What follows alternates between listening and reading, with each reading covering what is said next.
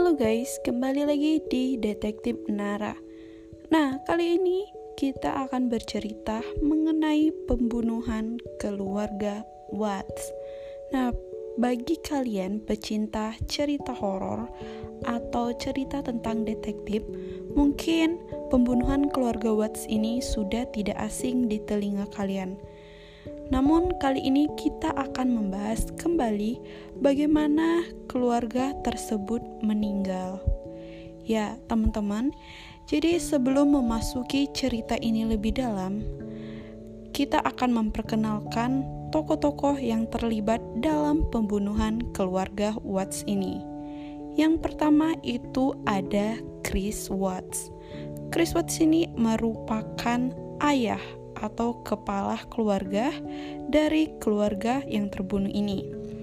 Yang kedua, ada Sanen. Sanen ini merupakan istrinya Chris Watts.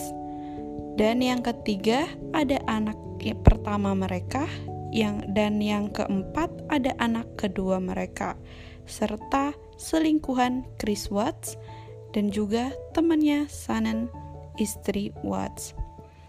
Nah, kasus ini bermula ketika istrinya Chris Watts yang bernama Sanan ini mengumumkan kehamilan anak ketiga mereka kepada suaminya, yaitu Chris Watts. Mendengar kabar tersebut, Chris Watts tidak seperti biasanya.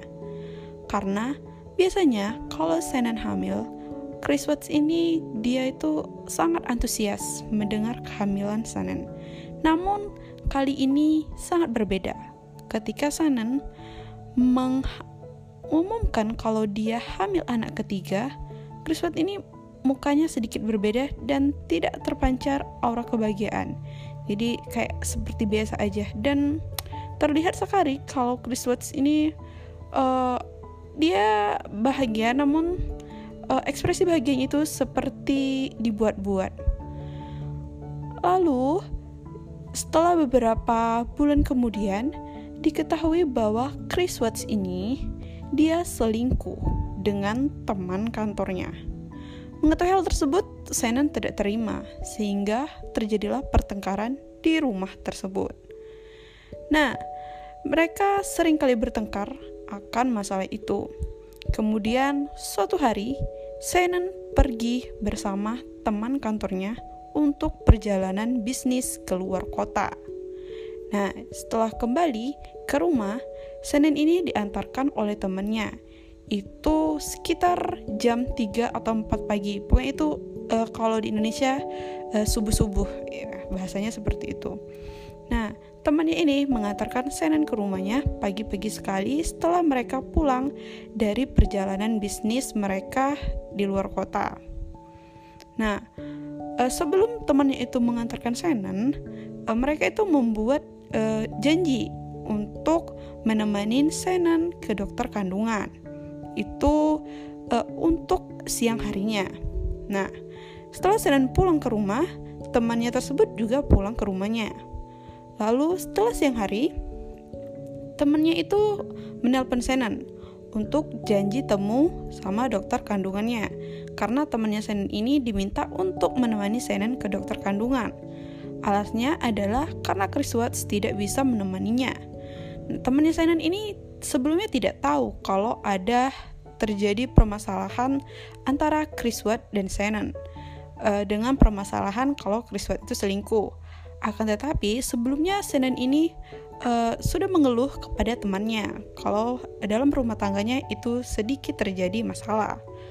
Akan tetapi temannya Senan tidak mengetahui secara detail.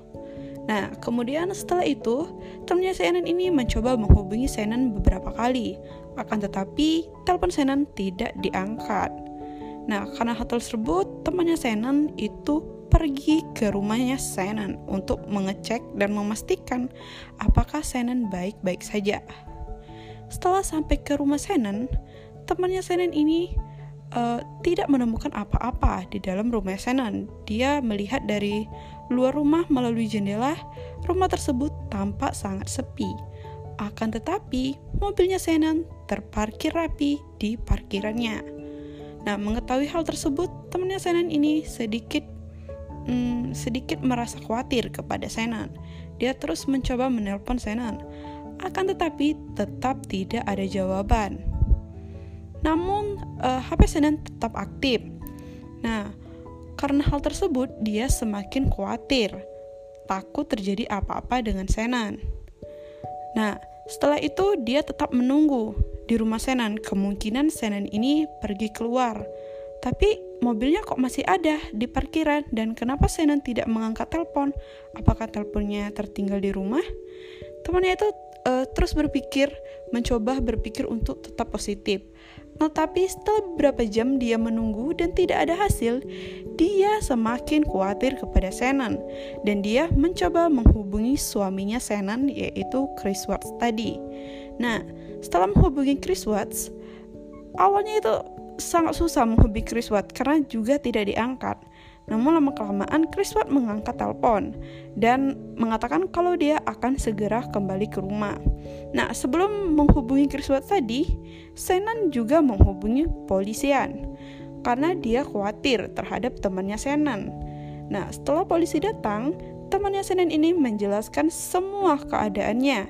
Dia mengantarkan Senan sekitar uh, jam 3 atau jam 4 uh, waktu subuh dia mengantarkan Senan ke rumah terus mereka ingin membuat janji temu untuk bertemu dengan dokter kandungan akan tetapi Senan tak kunjung muncul dan ditelepon sangat susah dia menjelaskan semua kronologinya dari awal mereka berangkat bisnis sampai dia mengantar Senan ke rumah Nah, setelah beberapa jam kemudian, polisi juga menghubungi Chris Watts agar dia segera cepat pulang.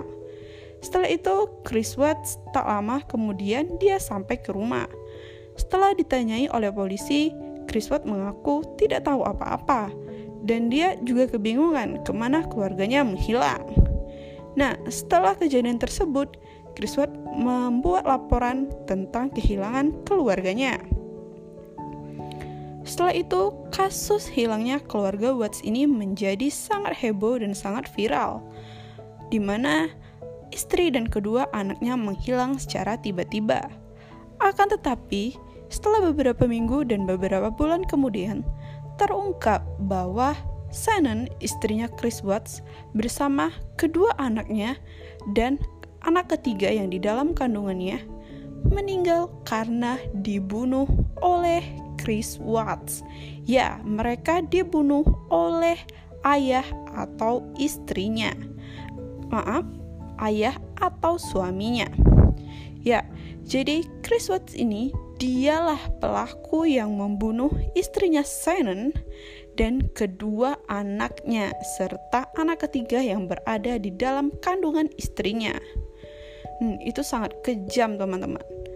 Nah, setelah diselidiki lebih lanjut dan setelah polisi memeriksa semua CCTV yang ada dan mengumpulkan bukti, ternyata Chris Watts ini dia keluar sekitar pagi-pagi sekali menggunakan mobil dan terlihat di sana bahwa dia e, mengangkat sesuatu untuk dimasukkan di bagasi belakang mobilnya. Nah, setelah itu dia pergi entah ke mana. Nah, setelah uh, temannya Senan ini menelpon, baru dia pulang kembali ke rumah dan diketahui bahwa ternyata Chris Watts itu pergi untuk membuang mayat istrinya dan kedua orang anaknya tadi. Setelah diselidiki lebih lanjut, Chris Watts ini dia membuang mayat istrinya dan kedua anaknya di tempat kilang minyak tempat dia bekerja. Ya, jadi Chris Watts ini dia selingkuh dengan uh, teman sekantornya karena dia uh, mau menceraikan Senan dan Senan tidak mau bercerai sehingga dia berusaha menghabisi nyawa istri dan kedua orang kedua orang anaknya karena dia uh, ingin bebas dan ingin segera menikahi selingkuhannya. Nah, karena kejadian itu, istrinya dan anak-anaknya dia bunuh. Nah, jadi sebelum kasus ini terungkap, Chris Watts ini dia berpura-pura sangat kehilangan dan sangat sedih akan keluarganya tersebut. Dia memasang iklan tentang pencarian istrinya dan kedua orang anaknya. Jadi dia ini pintar sekali acting. Akan tetapi, polisi lebih pintar dan segera melacak dan menemukan eh, bukti-bukti uh, yang ada dan segera menangkap Chris Watts. Nah, jadi tega sekali ya teman-teman. Chris Watts ini dia membunuh istrinya dan anak-anaknya demi seorang pelakor.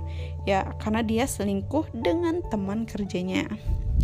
Nah, jadi begitulah cerita singkat dari pembunuhan keluarga Watts. Terima kasih telah mendengarkan. Sampai jumpa di podcast selanjutnya.